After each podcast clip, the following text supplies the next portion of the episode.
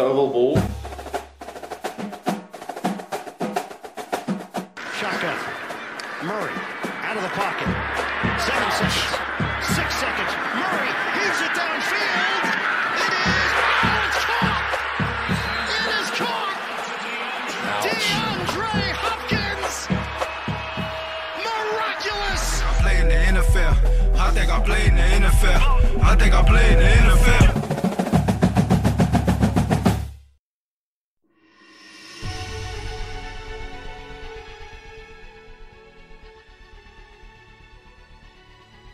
Hjertelig velkommen til Oval ball. Mitt navn er Reia Mølsjårder. I dag har jeg ingen NFL-guruer, men to NFL-nerder i studio. Stian Syvertsen og Kenneth Karlsen. Hei, dere. Hallo. Hei! I dag, I dag skal vi selvfølgelig gå gjennom nyheter i NFL. Vi skal prate om draften som kommer opp.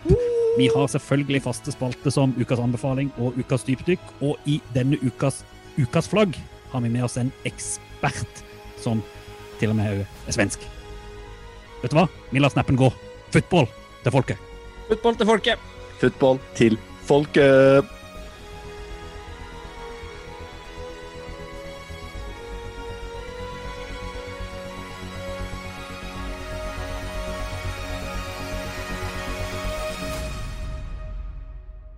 Da var vi her igjen.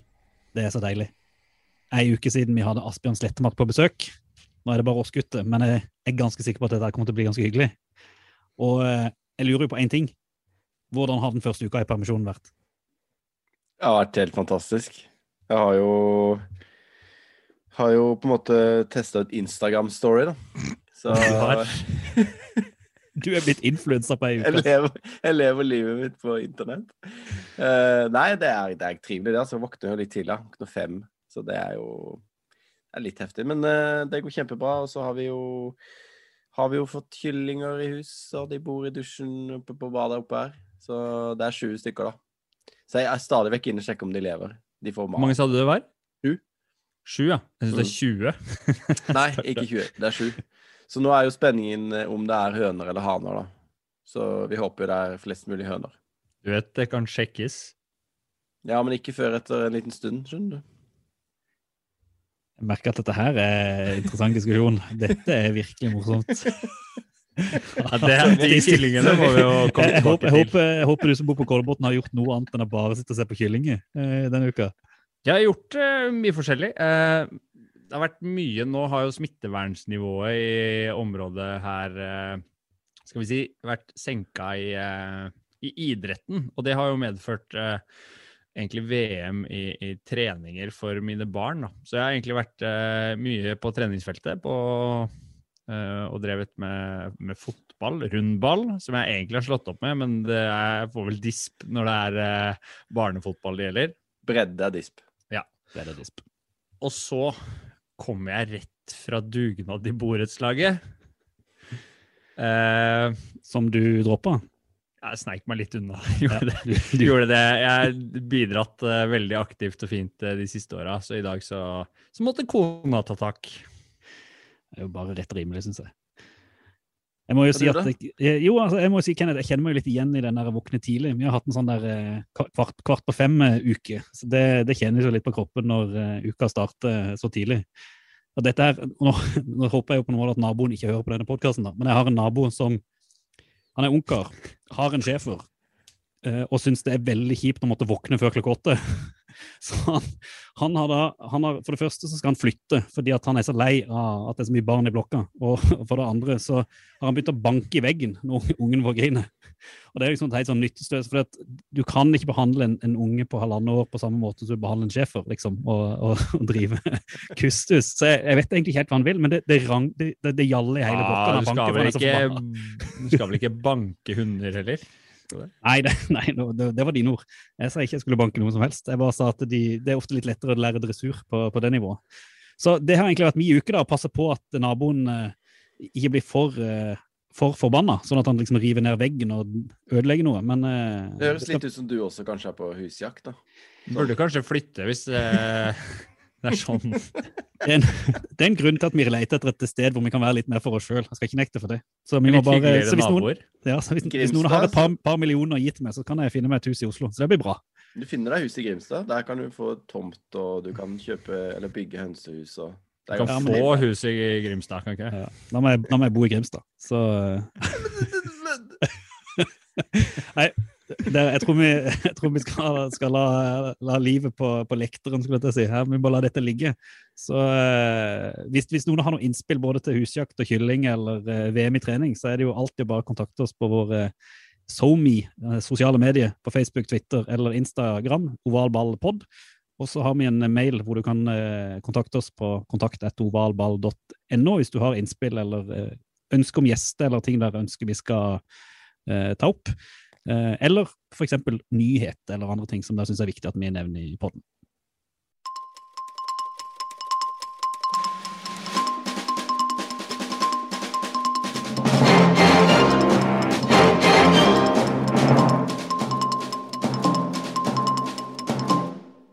Det er jo ytterst sjeldent når man spiller inn en pod at man har breaking news. At eh, ting bare skjer her og da. Men i dag, i dag har vi breaking news. Det skjedde nå. Det skjedde, Det skjedde akkurat nå.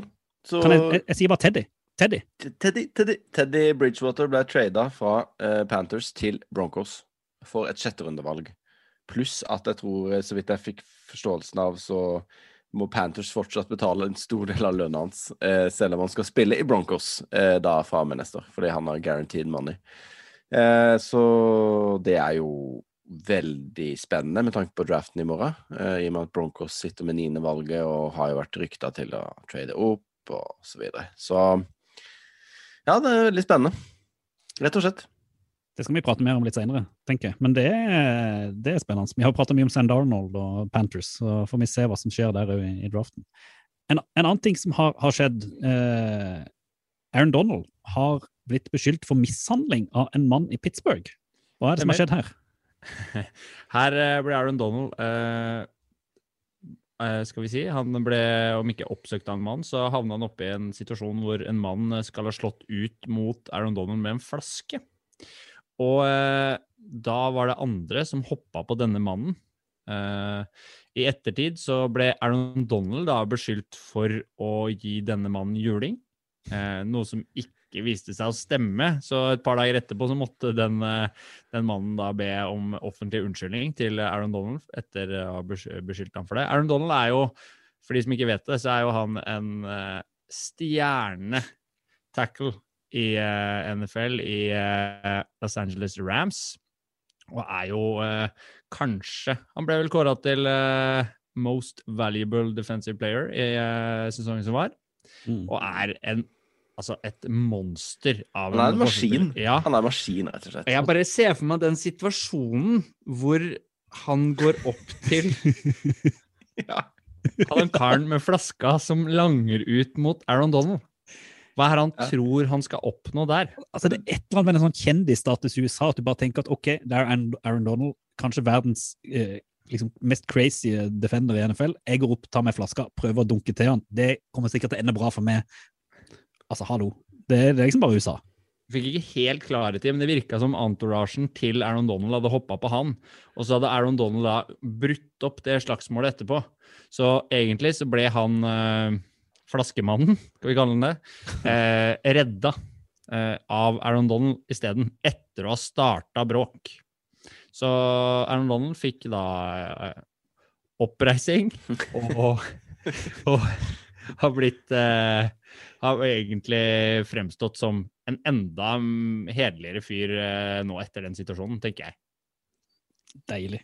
Eh, og så er det noe som har skjedd som ikke skjer som ofte i NFL, som skjer veldig ofte i eh, sporter som har rundball. Det er at eh, noen har fått nye uniformer. Ja, det er Bengals.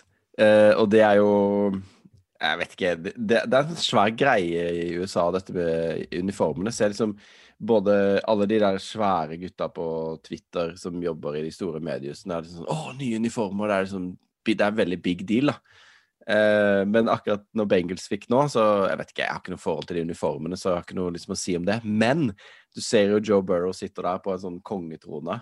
Eh, og han har sånn 20, 25 cm langt arr nede på tvers over hele kneet. da. på langs med hele kneet. Det var liksom det som var det mest spennende med det uniformslippet, var egentlig arret til Joe Burrow. Og at han på en måte røyk ACL i fjor og er nå tilbake igjen med, med det feite arret. Det var sikkert med vilje at de, at de tok det bildet på den måten. Viste det fram. Ja. Eh, og på en, skulle jeg si, noen, noen er tilbake, og noen gir seg. Eh, både Alex Smith og Sean Lee eh, legger opp, eh, har vi fått vite nå. Eh, mens på den andre sida, Antonio Brown har skrevet ny ettårskontrakt med Tampa Bay Buccaneers. Hva er tenker dere om det? Altså, det er for så vidt ganske ny, uh, ny nyhet, det også, med Antonio Brown. For den skal være, ifølge Athletic og kilder de hadde, så skal han uh, ha signert uh, ny kontrakt med ny ettårskontrakt med, med Bucks. Og det betyr jo egentlig at de har hele Superbowl-stallen intakt da, for kommende sesong. Ja, det gjør det jo enda mer eh, Om ikke det var vanskelig fra før, da, så gjør det jo nesten umulig å vite hva de gjør i draften.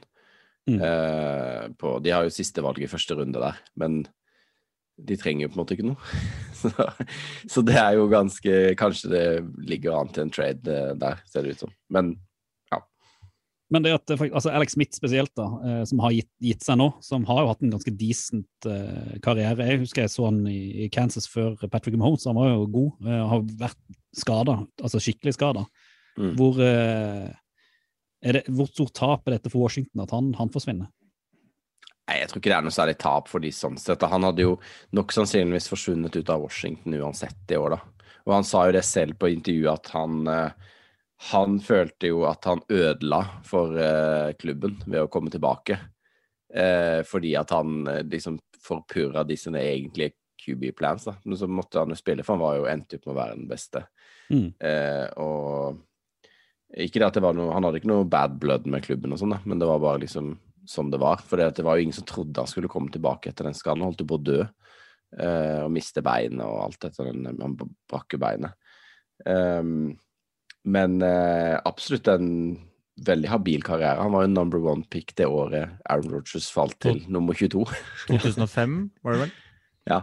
Så, um, så absolutt en, eh, en verdifull spiller. Har jo vært veldig verdifull i de lagene han har vært, ikke sant. Han var jo, eh, han var jo Starta jo i San Francisco og fikk vel hjernerystelse eller noe sånt som gjorde at Colin Kaepernick kom inn og tok over. Mm. Og så var han jo på en måte i Kansas når de drafta Mahomes, og så tok Mahomes over. Eh, og alle de som snakker om Smith, har jo veldig, bare gode ting å si. Mm. Eh, og spesielt Mahomes har jo vært veldig sånn ute og tydelig på det, at liksom, han hadde ikke vært der han hadde vært hvis ikke det hadde vært Alex Smith og sånne ting. da. Så absolutt en bra mann. Så Mm. sånn sett er han jo et tap for ligaen, da, at han forsvinner. Så så jeg veldig bra, en veldig bra tweet om at eh, Comeback Player of the Year-awarden som han fikk i fjor, burde nå blitt renama til Alex Smith Award. Så kan liksom ikke se bort fra at det faktisk kommer til å skje. Det er kult. Eh, også et par eh, Baltimore-nyheter, om det går an å si det sånn. De har både, det gjelder både Lamar Jackson, Jackson og at de har uh, trada. Hva er, Vil dere utdype? Altså Det som eh, gjelder Lamar Jackson, da, som er quarterbacken til eh, Baltimore Ravens, er jo at eh, der har han en sånn eh, femteårsmulighet som John Harbaugh, som er uh, head coach, eh, har vært veldig tydelig på at de kommer til å utnytte. Eh, og det er jo egentlig ingen bombe, men det er bare også en, en nyhet, da, siden vi ikke rakk å snakke om, om nyheter da sist, så er det, er det passe å liksom nevne det at eh, Lamar Jackson han er franchisens eh, klare quarterback. I tillegg så har de jo trada bort eh, Orlando Brown eh, til Kansas. Eh, Orlando Brown som da var right tackle, men vikarierte på left tackle når Ronny Stanley var skada i fjor, og har jo egentlig spilt veldig bra. Vært en veldig god spiller for dem. Eh, men eh, hadde liksom ikke noe fremtid på left tackle, som han jo har lyst til å spille. Og da casha de inn Chiefs sitt eh, første rundevalg i år, og masse andre valg og sånn, som kanskje ikke vi trenger å gå inn på. Men, men Chiefs har da faktisk eh, gjenoppbygd eh, den offensive linja si Mm. ganske bra. Eh, Så ikke sånn ut for to måneder siden, når de bare slapp Fisher og han Åh, Schwartz, var det det? Mm. Mm. Spesielt, eh, spesielt Fischer er jo kanskje den vi var spent på hvordan de kom til å erstatte. Mm. Men de får jo inn et uh, solid uh, beist på, på venstresiden til, uh, til Mahomes nå med med nevnte Brown. Ja, og det som er spesielt her, er jo faktisk at de gjør det. At de, at de tør å trade til en av sine argeste konkurrenter da, når man kommer til playoff. Altså, det er jo ikke noe de, de kan jo godt være at de møtes enten i championship game eller i, på et eller annet tidspunkt i playoffen der. Og da, ja. Men tenker dere det kan Sier det mest om tackles-linja som man har i, i draften som kommer? Nå, nå foregriper vi kanskje litt det vi skal snakke om etterpå, men, men at den tackle-linja ikke er så dyp som, som man skulle tro. For de trenger jo en klar starter på left tackle uh, Chiefs, og de velger jo egentlig ganske seint som nummer 31, og hadde ingen ambisjoner kanskje om å trade opp, eller så noe verdi i å trade opp for å få en uh, left tackle, da. Altså, jeg vet ikke, men uansett så er det jo alltid sånn at uh, de fleste NFL GMs og headcoaches, de verdsetter proven equity, da. Altså, Orlando Brown har spilt left tackle for Lamar Jackson. Han tillot vel ingen sacks og ingen QB-hits på sju kamper i fjor eller noe, på sånn 400 snaps eller noe sånt. Så han, han vet, selv om han var tredjerundevalg for tre år siden, så vet de nå De vet at han kan spille, ikke sant? Og du vet ikke om, eh, selv om Penay Sewell blir snakka om og kanskje kan gå topp fem, så du vet jo ikke om han kan spille i NFL. Altså, så, Nei. Så eh, det føles jo som et veldig bra move av, av Chiefs, og kanskje ikke så bra Baltimore, jeg vet ikke. Men uh, vi får se. Men Nå er jo ikke Lamar Jackson kanskje verste eh, quarterbacken å beskytte, da. Som han er jo en relativt bevegelig type. Han kommer seg unna. God i- god i pocket og, og utenfor. Ja, Eh, vi kommer tilbake til litt om draften etterpå. Eh, et par ting til vi må bare innom før vi, vi hopper videre til, til den.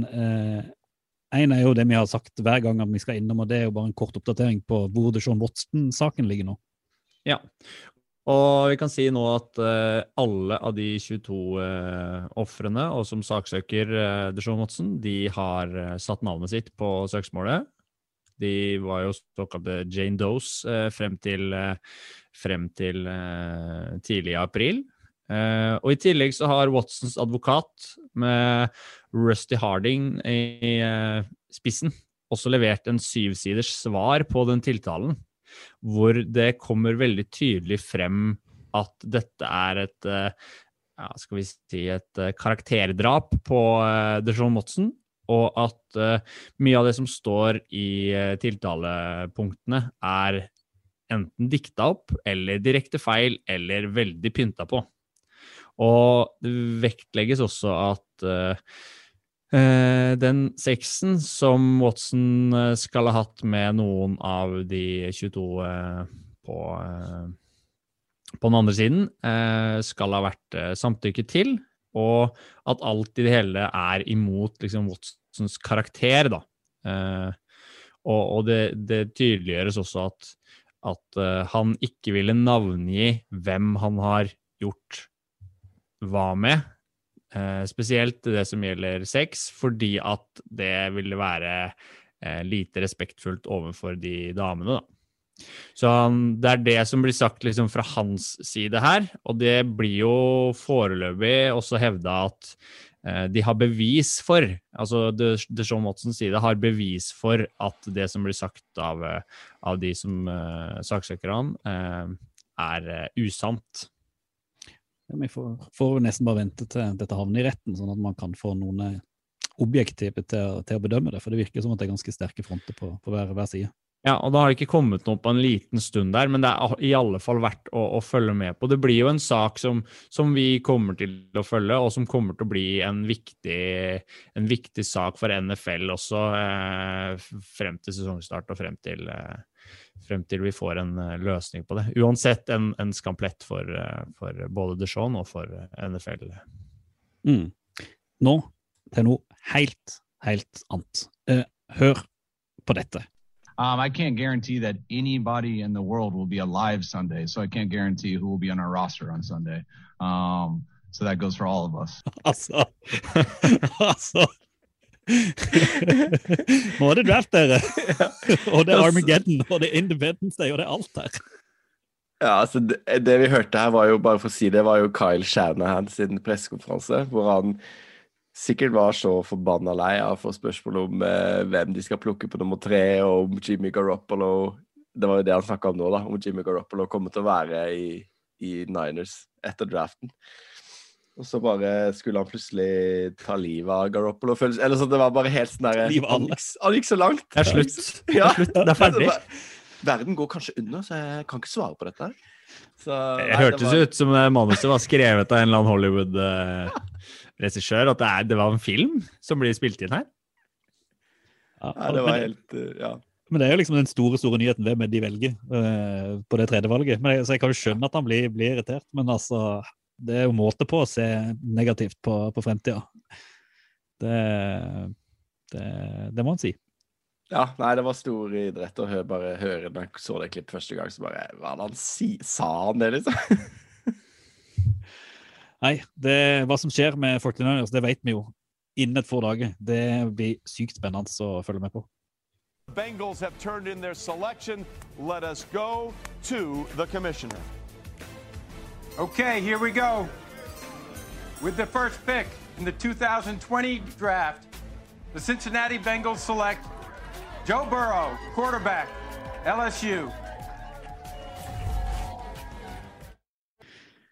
Natt til 30. april er det draft, første runde i NFL. For dere som hører på oss nå, noen av dere har kanskje allerede fått eh, opplevd den, sett hva som har skjedd.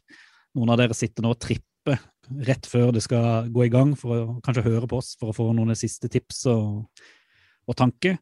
Vi gleder oss iallfall noe helt enormt til draften. Ja, Om vi? gjør. Om vi gjør. Det er jo for en som satt alene og sovna i fjor, så nå er vi flere. Det er jo helt konge. Er vi to som kan sovne? Ja. Kanskje til og med tre. Stian, du sovner jo ikke. Du, ikke, du sover jo ikke. Så det, du trenger ikke søvn, du. Er ikke det? Men jeg, jeg lurer på sånn, hva, før, vi, før vi går inn og- skal spå for en siste gang, hva, hva er liksom takes å ta ut av, av draften? Hva, hva, hva, hvor skjer det? Hva er liksom hovedpunktet? Jeg synes kanskje det gøyeste er at uh, Roger Goodell nå har tatt vaksine, så han kan klemme folk. Det er viktig. Den viktigste klemmen i amerikansk ungdomsliv. Ikke sant? Noe annet. Folk, folk som da skal se, eller kanskje har, har sett, bør ha liksom hatt i bakhodet. Har i bakhodet. Du spilte jo det Shannon-klippet her i stad, og det er jo ikke tvil om at det kommer vel kanskje til å definere årets draft. Hva gjør Shanahan og 49ers på tredjevalget sitt? Ja, det er jo ingen som vet. Ver- Verden står jo ikke etter søndag, kanskje, så det er vanskelig å si. For vi har jo, vi har jo lagt ut en, en mockdraft 3.0 på vår nettside, hvor vi har liksom gjort vårt siste, en siste mulighet for å tippe den draften. Det kan du jo, Hvis du sitter og hører den episoden nå etter draften har vært, så syns jeg du skal gå inn på ovalball.no og bare liksom se om vi er idioter eller Vi genier. sletter vel de tinga et, Nei. De skal, de skal ligge der til spott og spe som ikke har peiling. Men det som er ganske klart og tydelig når du leser den mockdraften, det er jo at vi gjør et valg på tredje valget som da får konsekvenser videre nedover. Og det er jo det tredje valget til San Francisco har jo så mye å si for hva som skal skje videre. For der er det liksom Veldig mange mener at det skal være Mac Jones Ja, vi- som går. ja, Og vi har satt noen- opp McCorkle også. ja, McCorkle. så, men hva tenker dere der? Eh, hva tror dere Shannon velger? Jeg, for, for alt jeg vet, så kan han jo godt være så gal at han velger Mac Jones. Er- Stian og jeg har jo krangla om dette her nå i en måned, eh, hvor han har føyd seg, da, og ikke Vi, vi satte ikke Mac Jones der. Og Justin Fields for meg er en mye bedre atlet og en mye bedre quarterback. Eh, så jeg skjønner ikke Jeg skjønner ikke hypen på Mac Jones. og Jeg skjønner ikke nå Det siste nå hypen nå er jo liksom at OK, Fields er ute. Det står mellom Lance og Mac Jones. Jeg bare, Hvorfor i all verden skal Fields være ute av den Jeg skjønner det ikke. Eh, og da da kjenner jeg at det nekter jeg å bli med på. At det skal være Mac Jones der. så, så vi har stått ved Fields, og så ser jeg liksom sånn Får jo liksom uh, tweets av folk med sånn blue tick som bare Nei, jeg mener fortsatt at det blir Fields, liksom. Eh, så det er jo helt umulig å spå. Men vi, hvis vi har satt Phil, så har vi stått ved det, da. eh, hele veien. Eh, og vi mener jo at han kanskje er den nest, med nest slash tredje beste quarterbacken i draften. Og vi tror han går tidlig. De, de, de, de skjuler jo ting. De sier jo ikke det de mener.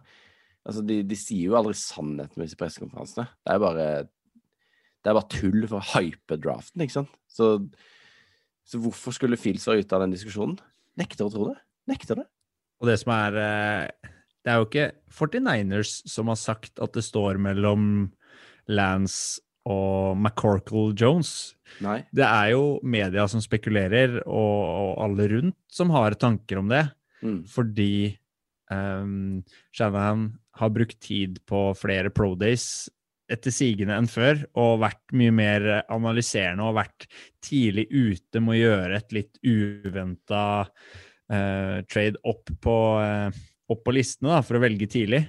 Så jeg syns eh, det- Det er jo bingo hvem han går for der. Og i hvert fall når rapportene på Mac Jones har vært De har vært der hele tiden. At han skulle være første, førstevalget deres, og at det har endra seg i løpet av, i løpet av den nesten siden Hvor lenge har vi holdt på? To måneder?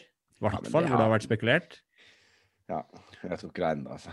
Jeg tror de har bestemt seg for lenge siden, men at ikke de sier noe, selvfølgelig, for å fortsette hypen. Det er jo og et, Shanahan sjøl har jo det, Grunnen til at han får alle de spørsmålene om Garoppolo, er jo at han sjøl sa, jeg vet ikke om det var samme pressekonferansen eller, eller dagen før, eller noe, at, eh, at de We felt we needed a starting QB this year. Bare OK, da, da er jo ikke Garoppolo med videre, og så skal han plutselig nekte å svare på det. Altså, det er jo han sjøl som på en måte ut, lager den uttalelsen og det, de problemene for seg selv, da.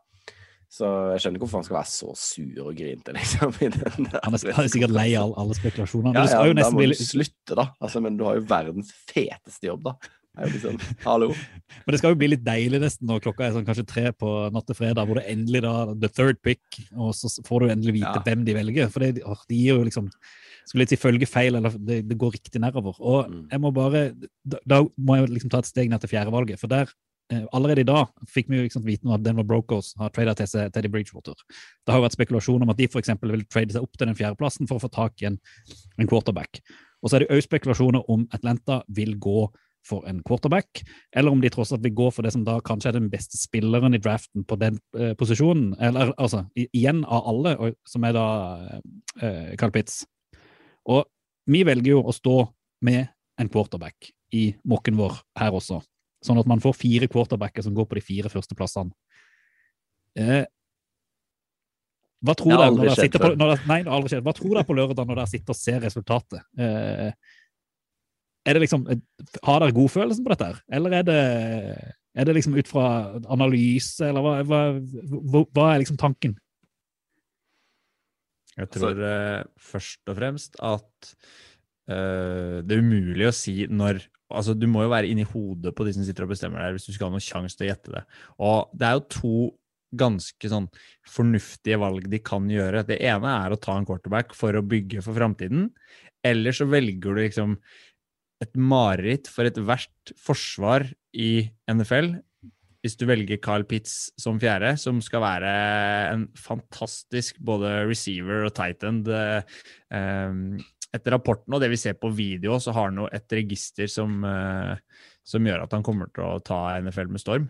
Og uansett hva de velger der, så kommer de jo til å styrke angrepsspillet sitt. Spørsmålet er vel bare om det, de gjør det fra ja, egentlig fredag eh, morgen, eller om de gjør det om noen år.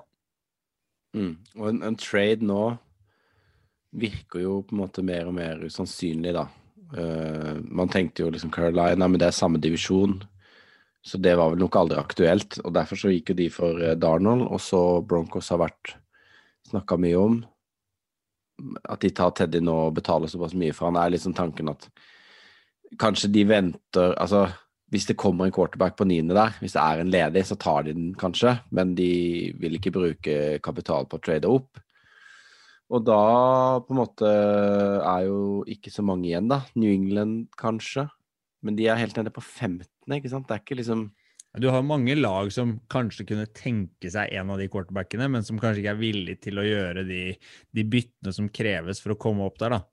Nei, så Eh, får du jo ikke noe Altså, hvis du sier du Hvis, du la, hvis Atlanta lar New England trade opp, da, til fjerde, og så får New England Fields, da. Og de har jo gjort masse i offseason, og de har Bill Belichick og bla, bla, bla. Det er jo ikke sånn at Det er jo ikke helt usannsynlig at New England går med en 11 11-6 eller 10-7-sesong da. Og da har du jo plutselig eh, Da får jo Atlanta valg nummer 22, da. Får ikke noe quarterback for det. Men det er klart, da kan du jo bruke to valg neste år, og så trade Altså, du har jo masse pics, da, så du har jo kapital, men ja, det er vanskelig, altså. Og så hvem kommer i quarterback-klassen i 2022 og 2023 og sånn, ikke sant. Altså, nå sitter jo Atlanta der, da, og de har Cubies der oppe som på en måte er gode. Men de har satt seg i en veldig god posisjon, da, for de kan egentlig gjøre akkurat som de vil. Og jeg tror at hvis de ville trade, så hadde de gjort det allerede. For da hadde du helt sikkert fått en telefon både fra eh, 49ers, de har sikkert fått telefoner fra Panthers, de har sikkert fått fra Broncos, og for alt vi vet så kanskje Patriot også har ringt og snakka med de. Jeg tror Falcons sitter veldig godt i det, da. For nå kan de enten velge den quarterbacken som de liker best, litt avhengig av hva 49ers tar, eller så kan de gå for den beste spilleren. Altså den de mener er definitivt best. Og det kan godt være Carl Pitts. Tror du ikke det, Kenneth? Det kan det, men det kan også være en quarterback som de syns er den beste. Og det er jo det vi tror. Det er det vi tror. Eh, og, ja, og de sitter så fint i det, da. De sitter jo på en måte med, med fjerdevalget. De har ikke lyst til å være, ha det fjerdevalget om eh, til neste år eller året etterpå. Det er ny GM, det er ny headcoach, det er nye koster og kluter og alt det greiene der. Og det er liksom quarterback tilgjengelig. Nei, jeg bare kan ikke skjønne noe annet. Jeg må jo spørre deg, eh, nå vet vi jo fasiten eh, om noen dager, men vi har jo spøkt litt med, med Bengals, både uniformene, arret til, til Burrows, men òg det at det har vært en sånn diskusjon der om at skal han få noen til å beskytte han, eller skal han ha noen å kaste ballen til? Og Dere har gått fra å beskytte han til at han skal ha noen å kaste ballen til, det ser man, det ser man mange har gjort. Men eh, hva, tror du det Tror dere det er der eh, òg kommer til å gå, eh, sånn som situasjonen er nå? For jeg ser det, De aller fleste har jo liksom heller mot at det, det blir en offensiv pick på, på Bengals. Ja, altså vi, jeg tenkte sånn, det var sånn Brukte vel til og med uttrykket no-brainer når vi snakka om det her for noen uker siden. At de måtte Ja, passe på Det. Men så, så bare leste litt at eh, ja, ja, kanskje ikke linja er så dårlig, da. Det er jo ikke liksom vi sånn megaeksperter, ikke sant. Vi kan jo litt, litt om flere lag, men klart akkurat Bengels skal vel innrømme at jeg kanskje har noen blindspots der. Eh, og så ja, var det bare jævla fristende at de skulle ta Chase for meg, da. At eh, han var jo lagkamerat med Burrow eh, i, når de vant National Championship med LSU. Eh, så det Ja. Det, det blei rett og slett for fristende der. Og så er jo det snakk om liksom Sewell og tackle-classen er jo ikke kanskje helt der oppe. Eh, som eh, Altså tackle-classen i fjor, for eksempel, var bedre på topp. Toppene var bedre da enn i år. Så ja. Men dette er jo selvfølgelig terningkast. Ja, vi, vi kan jo vurdere den her fram og tilbake. Og hadde det vært en måned til, så hadde vi fortsatt ikke blitt noe klokere, tror jeg. da. Nei. Og nettopp det valget der, det er det bare sjefene der som har peiling på. Og, men det kan jo hende at de vurderer eh, wide receiverne her til å være eksepsjonelt bra. At de faktisk er verdt å, å ta. Og den kjemien mellom quarterback og wide receiver er så viktig når de skal eh, når de skal vinne tighte matcher, og det står på små marginer i, i NFL. Mm. Så Og Burrow er god til å få ballen ut, da. Selv om han eh, er under press. Eh, og da er det jo viktig å ha gode folk til å ta imot. Mm. Eh, og så kunne de Vi var jo inne på pits her òg, ikke sant. Altså det, det blir uansett jæskla spennende på natta der. Det skal bli så gøy. Altså, det blir så gøy å møtes neste uke og få diskutert dette her. liksom, Da vet vi alt. Da har vi oversikten. Da vet vi hvor på trynet vi var, eller hvor sykt flinke vi var. og uh, Nei, altså den uh, The Night in Cleveland, det kommer til å bli uh, storarta, tror jeg, for, for alle. Ja, og hvis ikke dere følger oss på Twitter, så må dere gjøre det. Eh, og retweeta en, eh, en tweet fra Browns her på morgenen i dag. Altså 'Welcome to Cleveland', med liksom den videoen og Stefanski og folk. Altså, du bare Shit, altså. Tenk å være der.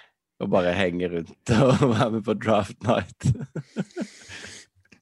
Ja, da kan du glemme korona for én natt, i hvert fall. Ja, ja. Og det er, jo, det er jo mange spillere som få korona. Det kan du sikkert ja.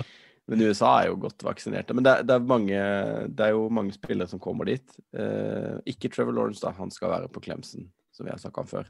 Eh, sammen med noen familievenner. Men, eh, men eh, jeg tror det er ganske mange spillere som kommer til å møte opp for å få klemmen fra Roger Goodell. Du finner i alle fall vår eh, mockdraft 3.0 på ovalball.no, enten om du har lyst til å ha den foran deg når draften foregår, eller om du har lyst til å sitte og le oss eller applaudere oss når draften er ferdig.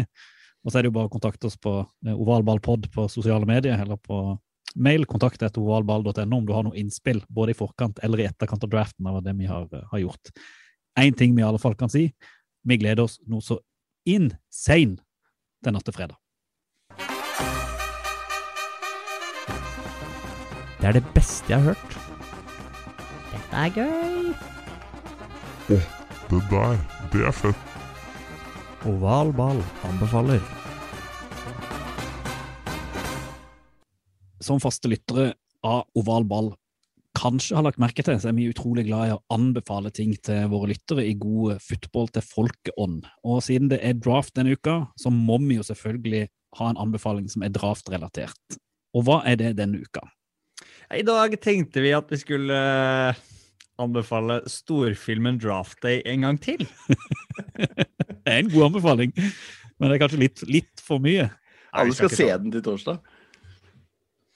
Ja, men vi skal ikke ta den i dag. Eh, vi har en liste som vi har eh, Kenneth har laga. Eh, Ja, altså, dette er faktisk, den anbefalingen her er faktisk noe egenprodusert. For Eh, første gang. Det er bra. Det er, det er rett og slett en liste på Twitter som heter NFL Draft Twitter. Eh, hvor vi har plukka ut eh, de vi mener er de, de viktigste folka å, å følge med på eh, når det kommer til draften. En liste som kan være fin å ha åpen kanskje når du sitter og ser på draften. da. Kanskje du sitter på, alene på natta og trenger noen å interagere med. Da finner du det på den lista. Eh, I tillegg altså Det er jo veldig mange Jeg har valgt ut uh, mange av de vanlige NFL-reporterne, de som er tettest knytta på ligaen. Men uh, hvis jeg skal trekke fram noen, da, så har vi jo en del uh, draft-nerds også i Norge. Blant annet vår, uh, våre kolleger i Pikkpreik, den andre norske podkasten om amerikansk fotball. De er med på den lista. Eh, I tillegg vil jeg trekke fram en amerikaner, det er Nate Tice. Han eh, hører jeg ofte på på The Athletic sin podkast Football Show, i tillegg til deres draft-pod som heter From Prospect to Pros. Han er eh, ja, flink til å uttrykke seg forståelig for menigmannen og ja, tweeter ganske mye, så det er vel verdt å følge. Eh, og så må vi jo trekke frem eh, eh, en nordmann som heter eh, Hedley, som eh, driver en side som heter CFB-snakk. .blogspot.com, tror jeg. College football-snakk. Han er vel kanskje den i Norge med mest oversikt over college. Så um, han har også vært gjest på Pikkpreik en del ganger. Veldig, veldig, veldig oppdatert og flink. Så kan vi jo trekke frem eh, Sander Daleng også, som vi nevnte her eh, tidligere. Som eh, i dag sendte oss eh, ferdig draftguide, draft som han har laga selv. Et fantastisk eh, stykke arbeid. Han legger også ut eh, topplister og har veldig god oversikt over, over draft prospects som eh, kommer til å gå nå i løpet av eh, helgen. Lee Freeman from the 30. Flag is down. And Raymond has run out of bounds. Another flag comes in at the 32. There are six flags on the field. Som mange av våre lyttere eh, har hørt allerede, så har vi i Oval ball en spalte som vi kaller Ukas flagg, hvor vi har et ønske om å forklare alle reglene i NFL. Eh, og denne gangen har vi rett og slett gått ut i verden og henta inn en ekspert. Ja, vi har gått langt uh, ut i verden nå. Um, nå skal vi over til den mannen som faktisk har lært meg uh, dette spillet, Reier. Han uh, er, jo, er jo svensk import, da. Så Pontus Rulander, velkommen til deg. Takk, takk. Kan ikke du si litt om din eh, amerikanske fotballbakgrunn? Eh, ja, jeg er for nærværende närvarande så er jeg leder for amerikansk fotball i Kolbotn IL og så faktisk head coach Kolbotn eh, Hunters. Och ja, jeg har jo spilt siden 2012 tror jag. Eh, også da då vært Dommere for eh, klubben. För i Norge så er det sånn at alle klubber må eh, ställa med et visst antall dommere. Mm. Til, så jag har vært med og dømt i noen år i amerikansk fotball i Norge. Mm. Så da tenker vi at det passer jo perfekt som si, supplement til oss tre nek, da, som skal sitte her og, og uh, snakke om amerikansk fotball, og kanskje ikke har helt koll på, på reglene. da. Eh, men hvis vi kan ta litt om spillkarrieren din først.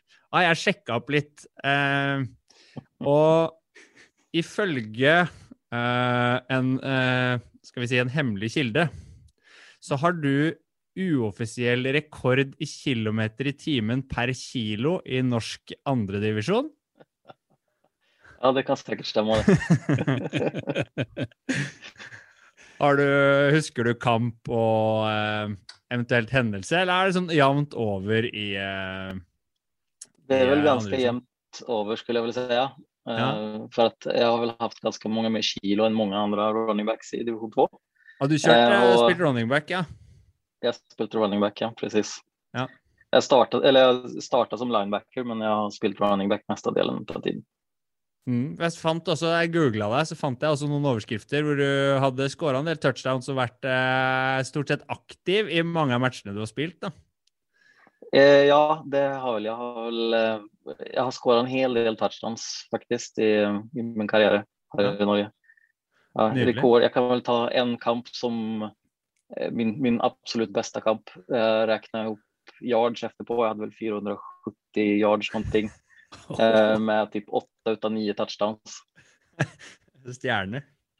Ordentlig Ja, det, var, det, var en, det var en morsom kamp. Applaus, altså. applaus. Det, det er liksom betryggende for oss som du sier, Stian, oss tre som er litt sånn der nylærte NFL-nerder. som Ingen av oss har spilt, at vi nå får inn noen som kan dette her, kan reglene, istedenfor at vi skal sitte og google oss fram til hva, hva alt betyr. Så dette her, eh, jeg merker at pusten min den roer seg ned, og jeg kan liksom lene meg litt tilbake i stolen. Så det er veldig bra. Men jeg, kan, jeg lurer også på det å dømme i norsk eh, fotball. Eh, hvordan, hvordan er det? Eh, kaos skulle jeg vel si. eh, det, ja, det er ikke alle som kan reglene, verken av coacher eller, eller dommere heller for den delen. Men eh, det, ja, det er ganske morsomt. Det, eh, det er ganske så givende. Det, du, du får eh, lära dig framförallt mycket om amerikansk fotboll. För Mm. du måste jo faktiskt sitta och plugga de här reglerna som finns. Eh, alla de över hundra sidor i de regelboken som finns. Eh, och du lär träffa och känna väldigt mycket eh, morsamma människor. Mm. För du dommer ju med fem eller sex andra personer. Mm. Och det är lite olika, olika för varje kamp. Då. Så ja, man får träffa mycket människor över hela Norge. Ja, det virker som et veldig sånn hyggelig miljø å være en del av, da. For jeg har sett deg når du har mm, Vi bor jo ikke så langt fra hverandre heller. Og jeg har sett når du har møtt på liksom, kjentfolk i, i miljøet der, og sånn, så er jo tonen veldig fin og, og, og hyggelig og ledig dere imellom. da. Ja, jo det er det absolutt. For det, Altså, vi, man er litt spesiell her i Norge om man, om man er interessert i amerikansk og framfor alt om man er såpass interessert som man typ spiller eller dømmer eller gjør noe annet sånt. Så man har liksom en liten felles klubb. Nemlig. Ja, men Så bra. Du skal få være med flere klipp framover, som, som Reier var inne på her eh, også, og, og hjelpe oss med å, eh, med å forstå regelboka og være med å formidle det, ikke minst da i eh, god oval ball-ånd. Så skal vi I dag så tenkte vi at vi skulle ta litt tak i, om ikke direkte flagg, men en ting som er ganske viktig i, eh, i amerikansk fotball, og det er jo hvordan vi får poeng. Så vi tenkte vi skulle se litt på, sånn kort og greit på hva touchdown innebærer, hva field goal innebærer, og hvilke valg da man har etter man har scoret uh, touchdown. Og også den jeg syns er vanskeligst, da, som er safety, som også gir poeng i uh, amerikansk fotball. Så jeg tenkte, jeg kan ikke begynne med sånn kort og grei forklaring på, på touchdown, Pontus? På touchdown, ja. OK. eh, Den, du kan ju skåra egentligen på två olika sätt på touchdown. Eh, och det är ju antingen att löpa in bollen i, i eh, en zone. Och det som måste ske då är att bollen ska eh, ja, träffa the plane som de säger, då, alltså planet. Eh, och det är extended, så det är även ut på sidorna kan det vara. Så om du kommer löpandes med bollen, så om du har kroppen på insidan men bollen är på utsidan av sidlinjen, så räknas det fortfarande som en touchdown. Og da trenger ballen bare å berøre linja, eller? Den trenger bara beröra berøre linjen. När du har kontroll på den så är det touchdown med en gång. Mm. Så till skillnad då från när du faktiskt passar bollen och tar emot den in i en zone. För då måste du faktiskt ta emot eller måste ha ett eh, ordentligt mottak. Eh, Det vill säga att eh, om du typ bara rör bollen så, så räcker ikke det. De har ta imot den og ha kontroll på den och ha två fötter på insidan av linja och sådana bitar. Mm. Og etter man har skåret eh, touchdown, så har man to valg, har man ikke det? Ja, eh, det har man. Eh, Och det er en regel som er litt interessant, for det faktisk ble oppdatert i 2015 i NFL. Eh, För innan så 2015 så, så ställde man alltid opp den på eh, og och så kunne man alltid sparka, antingen sparka in bollen och få en, en extra poäng eller och ehm, löpa in en ny touchdown fra från två yards för att få två poäng. Men i 2015 så uppdaterade de den eh, till att om du ska ta ett, ett poängsförsök så får du då göra det från 15 yardslinjen och sparka Mm. den därifrån för att få ett poäng. Medan om du vill ta ett tvåpoängsförsök så får du fortfarande göra det från två yardslinjen. Och det som er litt interessant, er at samtidig som de endrer det at de flyttade den bak så endrer de også det at eh, for å få poeng på et extra poängförsök så eh, kan faktisk både båda lagen få det. Så om du gjør en andra laget då gör en interception och löper hela vägen in i, i offense in endzone så får de två poäng istället för offense. Mm. Ja. Så det är, det är en liten uppdatering från 2015. Ja. Och, och, og der har du på ekstrapoengforsøk så har du en, en eh, om det skulle skåres en safety så gir det en poeng til hvilket av lagene. Safety kan vi sikkert gå inn litt mer på etterpå. Ja, for etter touchdown så, så har du jo, var du inne på det at du har topoengsforsøk hvor du skal få ballen tilbake inn i en sånn, og så er det field goal Mhm. hvor du da sparker og skal treffe mellom de målstolpene. da. Eh, Yes. Men når du skal sette field goal fra skal vi si, vanlig place, da, hva er liksom uh, rammene og reglene for det? Uh, ja, det er egentlig at den skal være sparket uberørt fra från offense och att den skal treffe inn mellom, eller, mellom mellan. Men den kan være over målstengene. Det behøver liksom ikke gå precis mellom. Men den må gå over ribban og den må gå mellom målstängerna. Extended plane upp över eh, ja, hela vägen upp. Mm. Så du kan sparka den en kilometer höjt. Enda problemet då är för domarna att se om den faktiskt er innanför eller ikke. Jeg synes det er imponerende i NFL. Der ser det alltid ut som at han går høyt over. De har full kontroll allikevel, der de står og kikker, Mhm. kikker oppover. Eh, Men så, så er det jo dette her med safety, som vi og Stian har diskutert mye. og Det er ofte den, det er den regelen jeg synes av og til er vanskeligst å forstå. Eh, Går, går det an å, å gi en litt sånn pedagogisk forklaring på hva, hva en safety er? Eller det finnes jo, som du sier, mange ulike måter til en viss grad å, å, å få en safety eller ta en safety. Ja, eh, och det er en regel som også er en av de vanskeligste for dommerne. For det krever en hel del eh, ja, forståelse for når og sånn. Men den vanligste måten å score safety på, det er faktisk når offens begår et eh, regelbrudd in i sin egen endzone. Så holdings till exempel, som du är då får starta på din egen tvåyardslinje eller femyardslinje och sånt och du får bollen och sånt, då är du i din egen endzone. Och om då quarterbacken står där och du har en linjeman som eh, då begår holding, då får du ett flagg in i endzone och då är det en safety. Ja. Uh, Så det är den vanligaste måten. Annars så är det at att det måste vara eh, offense som faktiskt eh, flyttar in bollen av sig självt in i endzone och sen eh, att bollen blir död in i endzone för att den ska, eh, ska tällas som safety. Då. Eh, Jag har ett exempel från en, en, eh, en, en, en NFL-kamp jag såg för några år sedan. Eh, Jag tror faktiskt det var en preseason game där det var en kick return. Så han som skulle returnera kicken, han tog emot bollen, så löpte han ut från sin egen endzone och så så han at folk kom og så da bakka han inn, inn i endzone igjen og tok et kne. Og hadde han bare stått inne i endzone og tatt et kne, da hadde det blivit touchback på de fått beholde. Men eftersom han lämnade endzone og sen så gikk tilbake inn på eget bevåg og tok et kne, så ble det, en, ble det da en safety. Jeg blir klokere for jo mer, mer jeg hører. Jeg, jeg merker jo Stian, at dette her kommer til å bli interessant å følge de, de neste ukene og månedene med den kompetansen Pontus har på, på NFL-regler. Jeg trodde jeg hadde lært meg det meste, men det er ikke alt jeg har fullstendig oversikt over. Nei, jeg, jeg kjenner det sjøl at eh, vi kan jo prøve å forklare det, vi, og da blir det veldig rotete. Men du får jo skal vi si, en ekstra syn på det når, han både, når du både har liksom spilleerfaring og dommererfaring, Pontus. Du merker at eh, forklaringene og eksemplene blir, blir mye klarere enn en når Reier og Kenneth skal forklare. Men jeg, jeg tror ja. En, en, en eh, till där också när du faktiskt ska försöka lära ut det till andra som coach. Då är du tvungen att faktiskt lära dig vad saker och ting betyder också. Ja, ikke sant? Det er trener, eh, trenersiden av det i tillegg, så du får jo liksom hele, hele spekteret. Og det er jo derfor vi syns det er interessant å ha deg med her også, og at du kan hjelpe oss, og ikke minst eh, folket der ute som, som hører på, da, til å forstå de, en del av de kompliserte reglene som, som faktisk eh, omkranser eh, amerikansk fotball. Så vi kan jo med glede informere alle våre lyttere at Pontus kommer du til å høre i mange episoder i Oval ball fremover i denne spalten her, så det er bare å følge med på. Tusen hjertelig takk, Pontus, for at du eh, tok deg tid nå til å dele kunnskap. Og så gleder jeg meg til å høre all kunnskap du har å dele òg framover de neste, neste månedene, må vi vel si, eh, Stian. Neste åra. Neste åra, det er sant.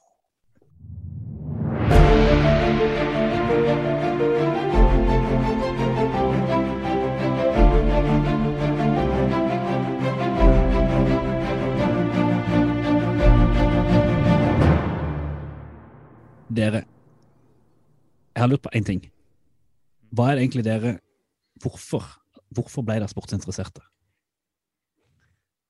Det største spørsmålet i verden, da.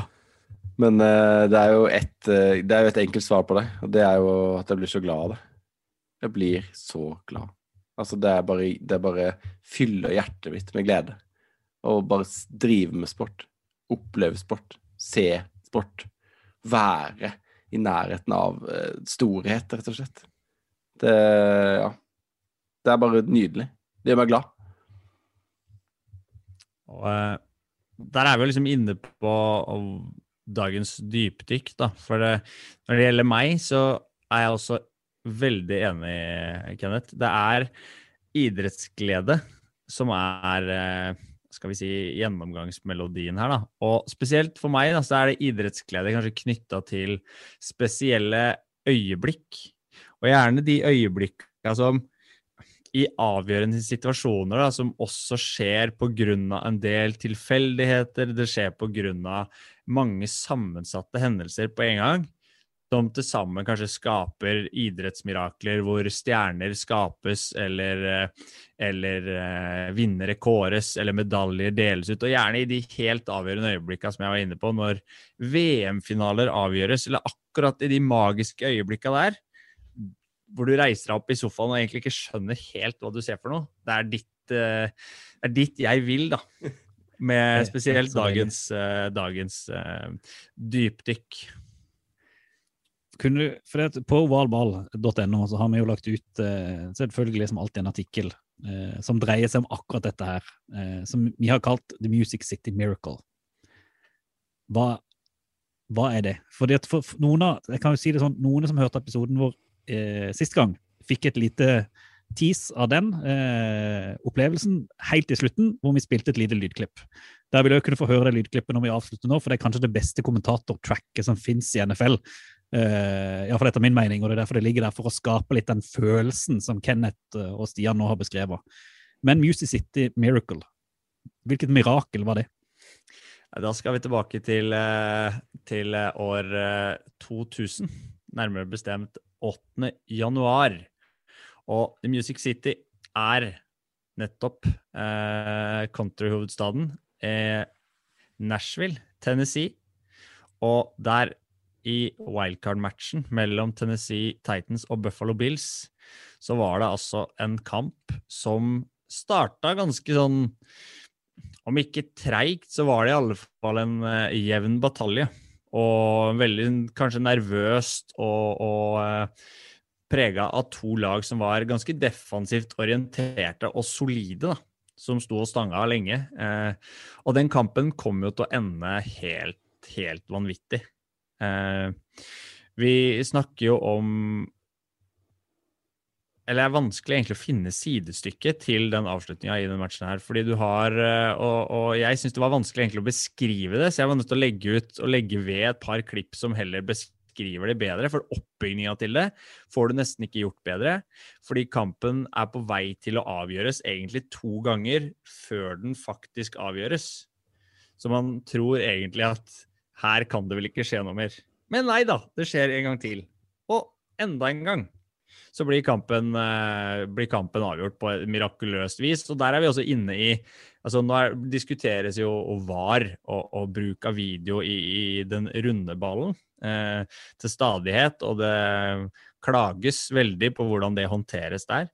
Men selve avgjørelsen i The Music City Miracle, da, det er takket være video assistant referee og en dommer som faktisk klarer både å tolke og håndtere det presset som eh, det følger med seg. Og det, det, det kan ikke beskrives hvordan den eh, skal vi si, pasningen som er avgjørende her, går.